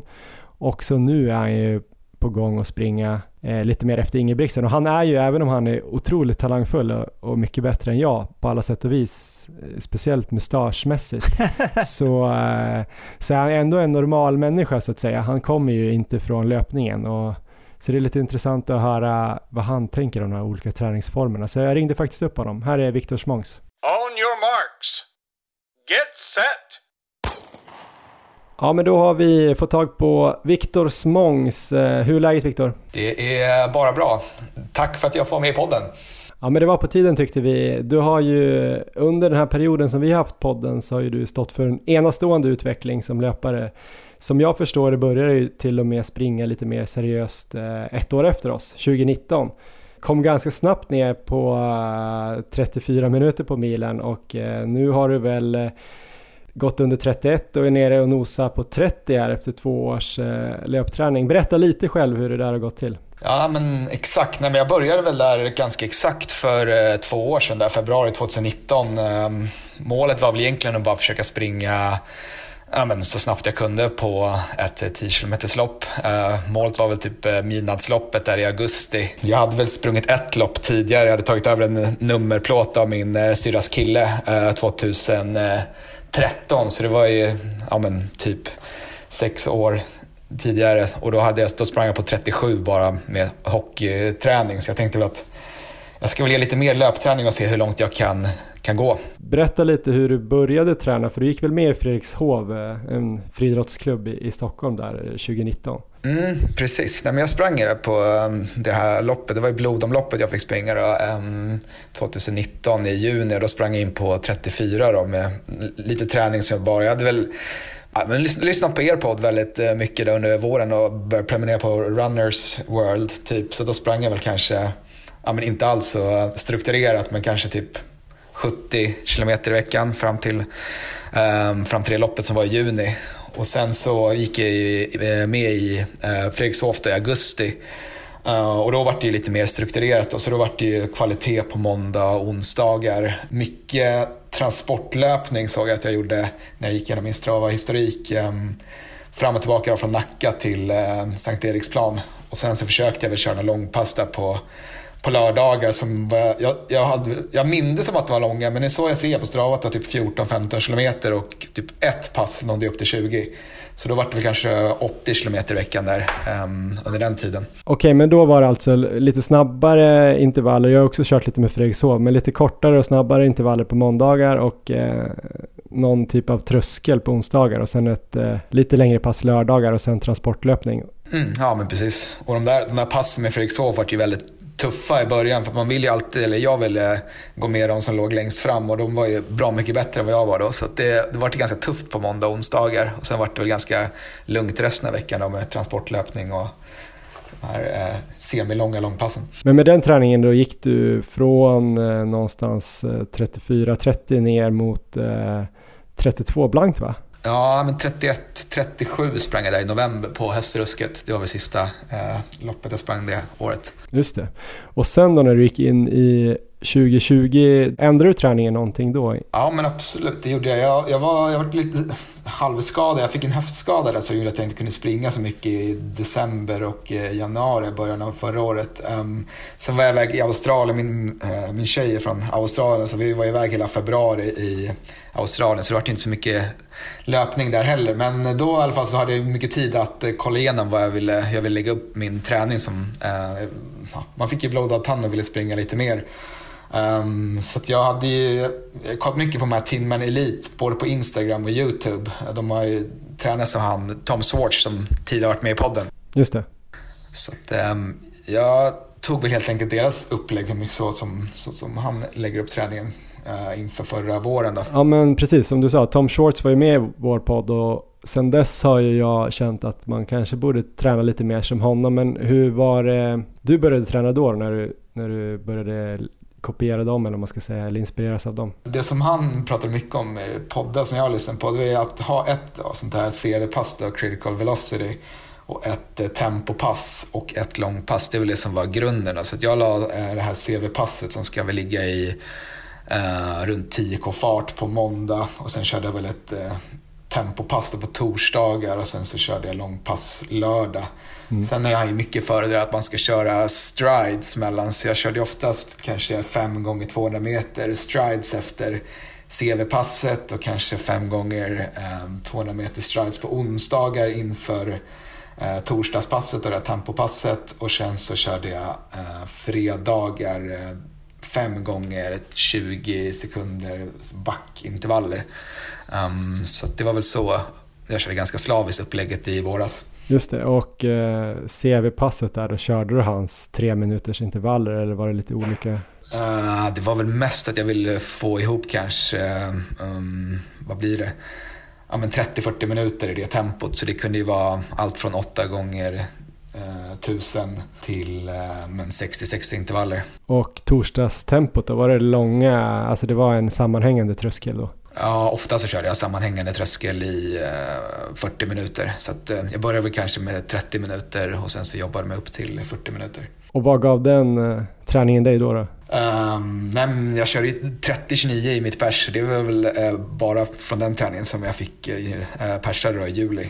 Um, och sen, så det var väl, med den träningen söker jag upp till mellan 80 och 100 km körde jag väl i våras. Okej, okay, men efter eh, en höst här där du också sprang eh, riktigt bra på 5000 och gjorde något till bra lopp på 10 km landsväg så har du i alla fall eh, bestämt dig lite grann för att eh, köra lite mer Ingebrigtsen-inspirerad träning. Eh, varför har du gjort det eller varför har du bestämt dig för det och eh, hur har det känts? Och berätta lite mer om det. Precis innan mitt, eh, mitt pers där på 10 000 meter så gjorde jag en sån här eh, tröskel och eh, um, VO2 Max-tester på eh, Activitus med Jeff där nere på, eh, vid Hagaparken. Och Ehm, de var väl inte superimponerande. Alltså, de var väl, hade en LT på 3.55 och AT på 3.18 vilket är ganska eh, värdelöst med tanke på de tiderna jag gjort. Um, så han ordinerade väl egentligen att jag skulle bara öka volymen här på uh, grundträningen. Och um, så att jag, jag försöker väl ligga på 140 tyckte jag väl var lagom för att försöka inte eh, liksom, öka för snabbt. Och då, då kändes det som också att jag ville få upp den här löpekonomin i högre farter så att jag ville liksom springa mer Eh, kvalitet och mer tröskel. Ja, det är svårt att köra liksom, enkla trösklar med, om man ligger uppe i 140 för då blir de väldigt långa. Så då är det bättre att dela upp dem. Så då kände jag att Ingebrigtsen-träningen känns som ganska optimal då för att försöka få upp löpekonomin. Hur har din träning sett ut då sen du bestämde dig för att hoppa på det här lite mer tröskelinspirerade tåget med lite mer procent i högre intensitet och högre volym? Mm, men jag ligger väl kvar i det här. Uh, jag vet att de flesta kör i tisdag, torsdag dubbeltröskel och sen det här backpasset på Uh, fredag, lördag blir det ja, exakt. Och sen så kör de långpass söndag. Så jag vill skjuta tillbaka det. Så jag kör måndag, onsdag dubbeltröskel, um, backe, fredag, långpass, lördag. Och då blir det väl att jag helt enkelt kör lite längre, långsammare på förmiddagarna och lite snabbare på, på eftermiddagarna. Hur eh, tycker du själv att det har gått så här långt? Du har inte hunnit tävla antar jag, men... Uh... Nej, men jag körde ju, alltså jag, jag har haft lite känningar nu i januari, både känningar och lite coronasymptom, men eh, november, december, december kändes det faktiskt fruktansvärt bra. Um, Garmin-statistiken var väl uppe på nivåer som jag inte haft tidigare, så det känns ju verkligen som att träningen har gett mycket. Sen får vi, får vi se om jag kan ligga så här högt i mängd eller om, liksom, om att det var för mycket träning som gjorde att jag fick känningarna. Så att, uh, um, det är väl det jag får vara vaksam på, men målet är att ligga så här till i alla fall eh, mars ut och sen så, eh, alltså på 140, runt 140. Um, ehm, och sen kanske köra lite pulserande så att man går, kör 140 i tre veckor och sen går ner kanske till 100 um, mm. den fjärde veckan. Och sen så försöka jag spetsa till det lite i april och förhoppningsvis få, få springa något race i maj, är väl planen. Den här ännu mer kanske strukturerade träningen då, där man ska kanske vara ganska noga med intensiteten så man inte kör för hårt och många kvalitetspass och många pass samma dag. Hur, eh, hur liksom tycker du att den är, förstår du? Uh, alltså jag tycker, jag tycker det är absolut roligast att springa fort, så att det, den är ju ganska tradig. Alltså det, är, det är inte ofta man tar ut sig full, liksom, helt max, vilket jag tycker är ganska det är tråkigt. Jag längtar till, till april när man får köra lite hårdare pass, men, uh, nej, men det ger ju effekt onekligen mm. vad, vad, klockan visar i alla fall. Svinbra, det var väl typ det vi hade den, den här gången. Så får vi väl höra av oss när du är sub 30-löpare kanske. Absolut, det är bara att höra av er. Ja men då tackar vi Viktor Smångs eh, för hans insikter kring träning och han har ju verkligen blivit riktigt bra på 10 kilometer Baff snabbt Erik. Vad säger du egentligen? Att komma ner till 30-30 på, på två år, är inte det ganska sjukt ändå? Det är sjukt imponerande. Han har ju ett otroligt lätt steg. Det fick jag ju erfara där när han var hare åt mig eh, på den här maran som jag till slut bröt i oktober, men då sprang jag ju 30 kilometer bakom honom där och han flöt på med ett fantastiskt steg. Så jag förstår att det kan gå snabbt. Det ska bli riktigt intressant nu Johan att höra hur du tänker göra framöver här. Eh, jag kommer ihåg när vi intervjuade Tinman så sa ju han att man Eh, han körde bara CV med adepterna en gång i veckan egentligen. Han trodde inte mm. att man behöver lägga in det oftare än så. Och det var ju också det upplägget som eh, Viktor körde med när han tränade, när han tränade efter Tinman Elite-upplägget. Mm. Eh, så nu ska det bli spännande att höra här hur du väljer att göra. Om det blir den norska modellen, om det blir någon CV eller om det blir någon helt egen variant. Jag ska också satsa på Ultra har jag tänkt. Kul! Nej, men jag har ju tänkt på det här så himla mycket, kanske lite ohälsosamt mycket så här, eh, senaste tiden. Och eh, det här avsnittet har gjort att jag har fått tänka ännu mer. Och jag är ju lite av en kompromissernas man. Eh, och vi brukar ju prata lite grann om att man kanske inte kan träna exakt som eliten men man kan ta någonting och inspireras av dem och lägga in det i sin träning och så kanske man får göra om det lite eftersom man inte då kan springa 18 mil och ligga hemma och återhämta sig hela dagarna i övrigt och sådär. Eh, och man kanske inte har den bakgrunden heller så att man kan springa så mycket eller så hårt som dem. Så jag tänker att jag ska göra en kompromiss. Det farliga med kompromisser det kanske är att det blir varken hackat eller malet. Ja. Alltså att man eh, bara, ja, men nu tränar jag lite efter två, tre olika träningsstrategier här så det blir varken eller. Men jag tror att jag kommer köra på en lite mer så här två veckors cykel eller två veckors tänk eller man kanske ska säga fyra veckor. Ja. Och då tänker jag så här att jag säger att vi tar vecka ett. Då kommer jag köra CV, alltså critical velocity, på måndagar. Och sen kommer jag köra typ ett eh, längre tempo på torsdagar. Ja. som Viktor här körde. Eller eventuellt då en dubbeltröskel om det passar in i mitt schema. Och då blir det ju antagligen ett lugnare långpass på lördagen. Och sen är ju resten distans men onsdagen kommer då vara förhoppningsvis då med lite backryck eller strides eller liknande. Om jag får få lite um, aktivering av de snabba muskelfibrerna. Både för träning men också för att torsdagspasset då kanske kommer kännas lite bättre. Så det är då kanske vecka ett. Så vecka ett, kan vi kalla det för en Tinman-vecka? Precis. Vecka två kommer bli en modifierad Norgevecka. Spännande. Då tänker jag mig att måndagar kommer vara en tröskel, fast det kommer vara en tröskel i snabbare fart. Så det kommer inte vara tröskelfart. Där tror jag folk kanske blandar ihop ibland. Att det kommer vara en intensitet som är under tröskel, så under då 4 millimol kan man väl säga. Men jag kanske kommer köra då 20 gånger 400 eller kanske 24 gånger 400 med 30 sekunders vila. Ja. Och då kanske man kör den i 10k fart ungefär. Eh, Men att eh, tanken är att intensiteten ska vara tröskel. Men jag får liksom farterna av 10k farten där. Så då tänker jag att på onsdag kan jag köra tröskel igen. Men då kör jag mer eh, kanske halvmara marafart. Så att lite snällare tröskelpass. Antingen då att jag kör det uppdelat eh, och då kanske man kör nästan upp mot 40 minuter men eh, lite lugnare tempo. Är det det vi brukar kalla för norsk tröskel? Ja, marafart kanske vi brukar säga är norsk tröskel, men någonstans mellan mara upp till halvmarafart. Man kanske kan nosa på tröskel om man kör det lite progressivt. Lite beroende på dagsform skulle jag säga, men fortfarande en kontrollerad känsla. Sen, så då blir tisdag lugn och torsdag blir sen då lugn.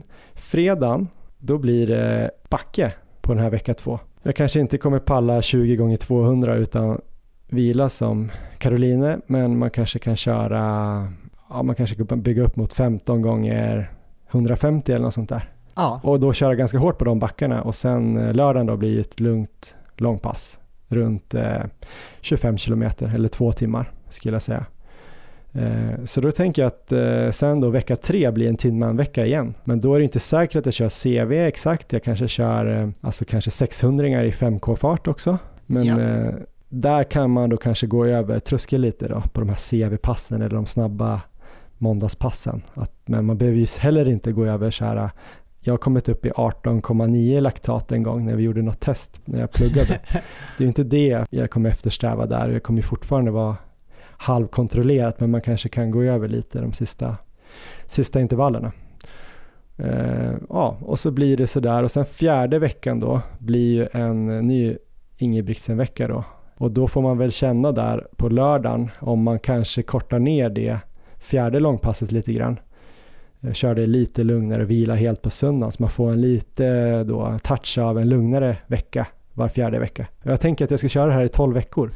Så Just det blir tre sådana fyra veckors eh, cykler i en cykel. Ja, men intressant, för att jag har ju alltid tänkt på att det är en bra grej att eh, kombinera eh, Tom Swartz filosofi med den norska modellen.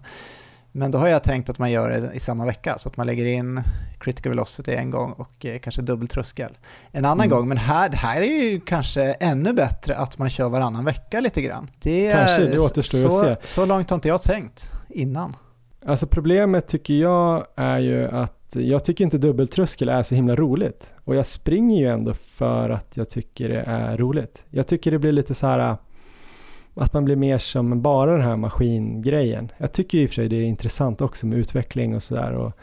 Eh, just när man kör de här kontrollerade, man kanske står på ett löpband på ett av passen och verkligen håller koll på, kanske inte laktat varenda gång, men, men puls och känsla och sådär.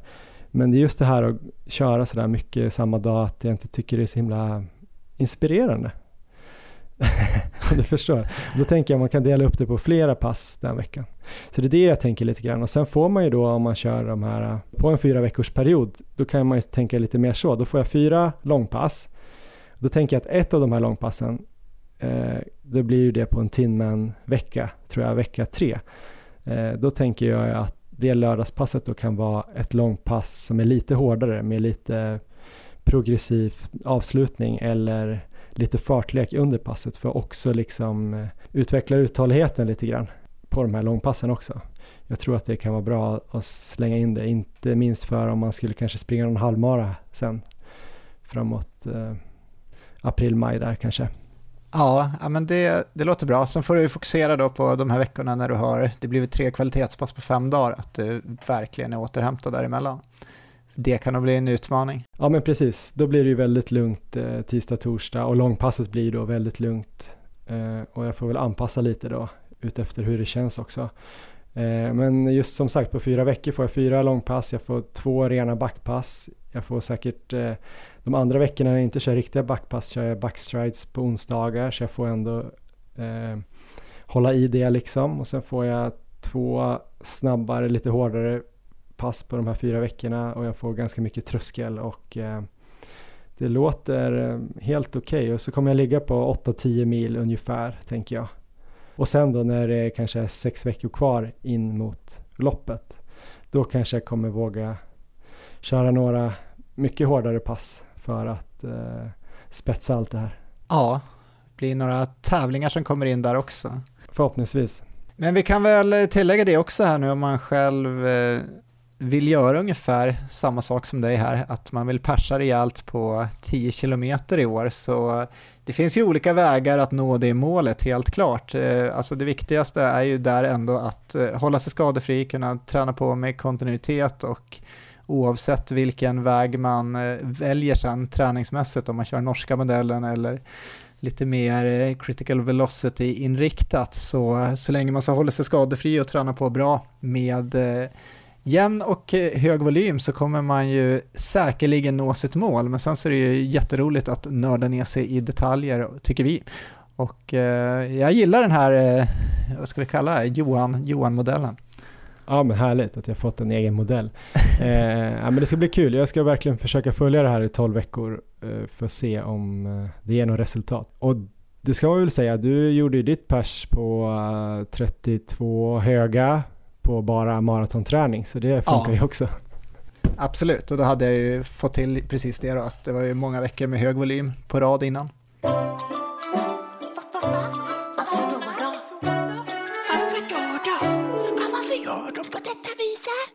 Ja men då har vi alltså kommit till veckans fråga Erik och den här veckan har vi fått in en fråga från 1000steg heter han på Instagram. Det handlar om OS-kvalgränser till eh, maraton då. Han skriver så här, det har kommit nya kvalgränser för eh, maraton till OS där ingen på här sidan någonsin varit nära och bara Isabella Andersson en gång varit under den här nya damgränsen då. Ehm, fråga gärna SOK hur de tänker och Lorenzo Nesi om han tror vi någonsin får någon maralöpare till OS. Vi har eh, tagit inspiration från den här frågan, gjort om den lite grann. Vi har inte pratat med SOK. Men vi har pratat med Lorenzo Nesi faktiskt och eh, det gjorde vi ju inför förra avsnittet och då pratade jag och han om det här med OS och det här topp 8-kravet som SOK har att man ska, ah, man ska kunna potentiellt komma topp 8 i OS för att få åka till OS. Eh, så jag tänkte att det passade ganska bra att ha med i det här avsnittet. Eh, det som allt det här handlar om är egentligen att eh, det kom ut förra veckan att eh, SOK har ändrat kvalgränserna till maraton på OS. De var Precis. väl tidigare 2.28 för damer och 2.11 för herrar. Och 2.11 för herrar har ju både David Nilsson och Mustafa Mohamed klarat och 2.28 har ju Carolina Wikström klarat. Men nu har då eh, tydligen SOK ändrat de här kvalgränserna. Så det ska vara 2.25 för damer och 2.08 för herrar och det gör de liksom ett halvår innan OS och då har ju folk blivit ja. eh, ganska upprörda på internet. Det är ju inte bara de här drabbade löparna som har blivit lite sura utan det är även eh, ja, löpälskare som vill se svenska maratonlöpare i OS. Vad tycker du om att de ändrade den här tiden nu? Ja, alltså det är ju lite att historien upprepar sig. Det känns som att det är så här inför varje OS och det är ju, man blir ju lika upprörd varje gång. Och än mer den här gången. Det är ju så, jag kommer ihåg när vi pratade här i förra avsnittet med Carolina och hon, hon går i mål där på en fantastisk sida i Valencia under under OS-kvalgränsen och klarar även det här placeringsmålet. Eh, runt sig har hon andra löpare som även springer långsammare från andra europeiska länder som kan jubla och är klara för OS medan hon liksom får leva där i osäkerhet och sen så får, kommer det här beskedet någon vecka eller ett par veckor efter. Det är ju alltså det är så dåligt bara, man blir ju man blir ju uppgiven och uh, upprörd och uh, allting. Nej, jag, tycker, jag tycker det är så tråkigt. Jag, jag skulle, det är flera maratonlöpare såklart jag skulle vilja se i OS och som jag tycker verkligen förtjänar att springa i OS. Och mm. Det skulle göra så mycket bra saker för svensk löpning om de fick chansen att göra det. Så att jag, nej, jag, jag blir bara helt uppgiven. Jag tänker vi kan lyssna på det här som Lorenzo Nesi sa till mig i den förra intervjun. Det här var innan eh, de här nya gränserna kom, men det hade ryktats om att SOK ville ändra gränserna på grund av skoutvecklingen som de sa då att, att eh, tiden tiderna hade blivit så mycket bättre så vi måste ändra och skärpa våra tider. Eh, så här sa Lorenzo då. De överenskomna tiderna eh, har, anser SOK, raserats av eh, skoutvecklingen. Jag har i min tur tagit fram statistik på framförallt vilka tider har man kvalat in på till VM och OS. För det är inte tiderna man gör i själva mästerskapet och det är inte de personliga rekorden som jag anser vara avgörande utan det är under kvalperioden. Vad har man gjort för att komma till OS och sen sluta på 8 12 plats. Eh, och där ligger tiderna på tjejsidan på de sex senaste globala mästerskapen, fyra VM och två OS, någonstans kring 2.27 och för killarna någonstans kring 2.09.30. Och även om vi tar med skofaktorn, för vi har ju med till exempel VM i Doha i den här eh, uträkningen. Eh, och då hade ju säkert 80-90% kvalat in med eh, karbondojor. Eh, så borde 2.27 och 2.09.30 visa att man har chansen. Jag säger inte att man eh, är någon slags favorit till att sluta topp 8, men definitivt att man har potential och det är det det är ju det som är just nu det villkoret som har ställts upp. Tyvärr säger jag, tycker, tycker det är ett felaktigt villkor och det påminner ännu en gång att nästa gång det är ett årsmöte då man fastställer vilka, vilka betingelser som eh, Sverige ska ta ut sina olympiska deltagare, och inte bara i friidrott utan i alla grenar, alla sporter, så kan det inte vara topp 8 för att det, det vet ju du och jag som löparfrälsta att eh, har vi svenska maratonlöpare och inte bara maratonlöpare, har vi svenska idrottare med på OS Även om de kommer på en 15 och 20 plats så är det ju ingen turistresa och det betyder jättemycket för att de överhuvudtaget ska fortsätta sina karriärer och för att folk bakom dem i sin tur ska ha förebilder som gör att de fortsätter sina karriärer. Annars får vi inte nya Carolina Wikström, annars fortsätter det inte sådana som eh, Hanna Lindholm och Charlotta Forberg långt efter 30-årsåldern med att träna och fortsätta bli bättre och fortsätta slå personliga rekord ända upp i 40-årsåldern som några av dem gör. Om inte de kan tro på att de faktiskt har chansen att få vara med i världens största tävling. Så att vi måste ha en helt annan inställning till varför vi ska vara med på OS. Att vara med i topp 8 är, jag tycker inte att det är sunt och det är inte bra för utvecklingen, vare sig för idrott eller någon annan idrott för den delen. Det är många som kommer fråga nu då, så jag ställer dig frågan, varför har man egentligen topp 8? Är det för att spara pengar eller Alltså ha en bantad trupp eller? Nej, alltså det, det, är ju ett synsätt på att det bara absolut allra bästa ska vara med och då har man vid ett årsmöte fattat ett beslut att det är där man ska dra gränsen. Men man kunde lika gärna säga att det är 12 eller 16 eller jämför med de villkor som vi har i svensk friidrott. När vi ska ta ut folk till eh, Europa och världsmästerskap. Där är motsvarande krav att man ska ha chans att sluta topp 24. Vilket motsvarar i de grenar som 100 meter och, och andra löpgrenar att man kommer vidare från en försöksomgång då till åtminstone en semifinal. Det är tillräckligt tufft och jag tycker det är tillräckligt bra. Är du bland de 24 bästa i Europa eller i världen om vi pratar ett VM, då har du definitivt där att göra. Eh, drar vi gränsen vid 8, då blir ju knappt några startande till slut.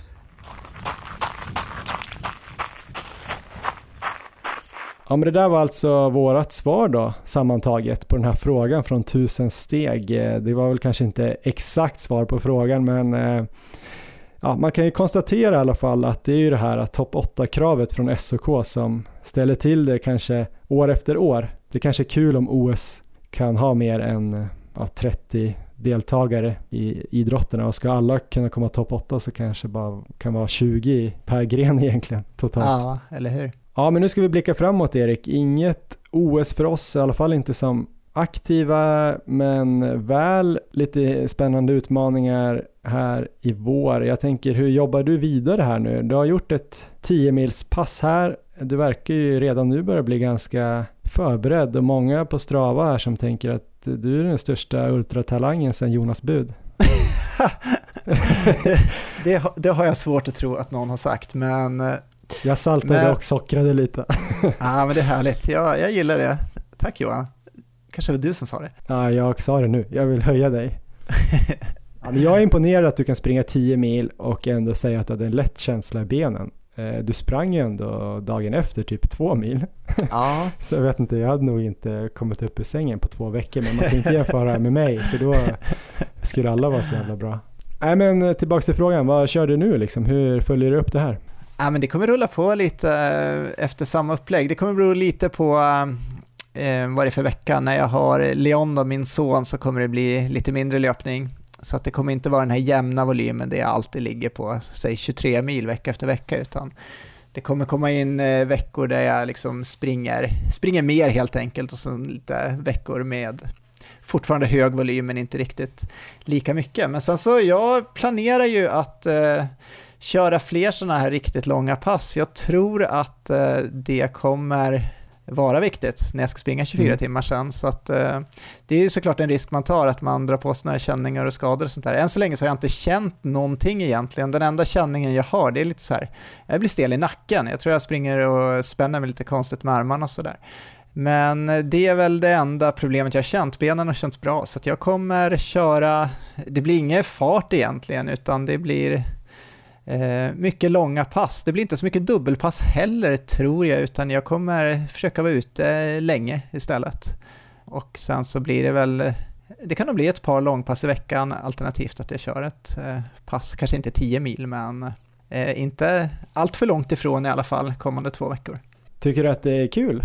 Det är det faktiskt. Det är det som som kanske har förvånat mig lite att eh, jag uppskattar verkligen de här långa passen, även fast det har varit kallt och så där. Just att få vara ute eh, dagtid, få det här solljuset och eh, andas in den friska luften och eh, man eh, jag springer runt och njuter ofta, det måste jag säga, så att det, det har, blivit, eh, det har blivit liksom vardag av det och äh, men jag trivs bra med det, så det är inget, jag känner verkligen ingen ångest inför den här ultraperioden de kommande månaden, utan det ska bli härligt. Sen så blir det ju fantastiskt sen när det blir kanske barmark, slippa springa så mycket på snö utan kunna springa på lite bättre underlag helt enkelt. Själv då Johan? Vi har ju hört ganska mycket här om din träning framöver. Vad är det för vecka du går in i nu? Men det här är sista veckan innan jag går in i den här 12 veckors perioden tänker jag. Vi åkte upp till Östersund eh, och och eh, hälsa på lite farmor och farfar, mormor och morfar till Elmer. Så eh, det blir liksom en sista förberedande vecka för att komma in i den här 12 veckorsperioden. Så jag ska försöka köra i alla fall två kvalitetspass och ett långpass löpande. löpandes. Sen kommer jag nog åka en del skidor och sådär. Eh, men från och med måndag den 15, då jävlar, då går jag in i den här nya Johan Modells-perioden. Då kör vi. Så det blir härligt. Och då får ni väl kolla då kanske på Strava då om jag eh, kommer bli någon av de här typerna där på Strava men ni kommer kunna se hur jag tränar och hur jag tänker kring de här, den här mixen av kanske då Tom Schwartz och Gert Ingebrigtsen eller Marius Backen. Eh, och så kan ni kolla på Instagram också, där heter vi Maratonlabbet. Där kan man nog också se om du eventuellt ska köra något eh, jättelångt pass i Stockholm framöver. Vi får se när det blir. Vi har snackat lite om det, att du kanske kommer dit och springer och så kan man få hänga på dig lite grann. Du springer typ eh, 14 varv runt Söder eller någonting. Så kan man liksom, likt Forrest Gump, kommer du springa där och folk kommer hänga på dig ja, på lagomt det... avstånd då. Säkert på, avstånd. På coronaavstånd. Ja, men det kan vi väl outa redan nu att det, det kommer ju komma ett, eh, ett 12 eh, timmars pass helt enkelt är målet. Söder runt. En mm. jäkla massa varv med eh, lite energistopp hemma hos dig då. Ja, men precis. Du får inte använda min toa bara, men vi kanske kan låsa upp i tvättstugan. ja, det låter bra. Ja, men jättekul. Och sen kan ni också eh, tipsa gärna om den här podden till era löparkompisar om ni tror att de skulle gilla den. Och så kan ni väl gå in och skriva en recension också. Eh, Absolut. Eh, här i appen. Det är väl kul Erik, det säger ju många att man ska göra. Ja, men det är jättekul om eh, alla som gillar podden kan göra det. Det kommer säkert göra att den kan nå ut till fler lyssnare också, så det uppskattar vi verkligen. Ja men jättebra Erik, eh, grymt. Vi ses framöver. Det gör vi, ha det så bra.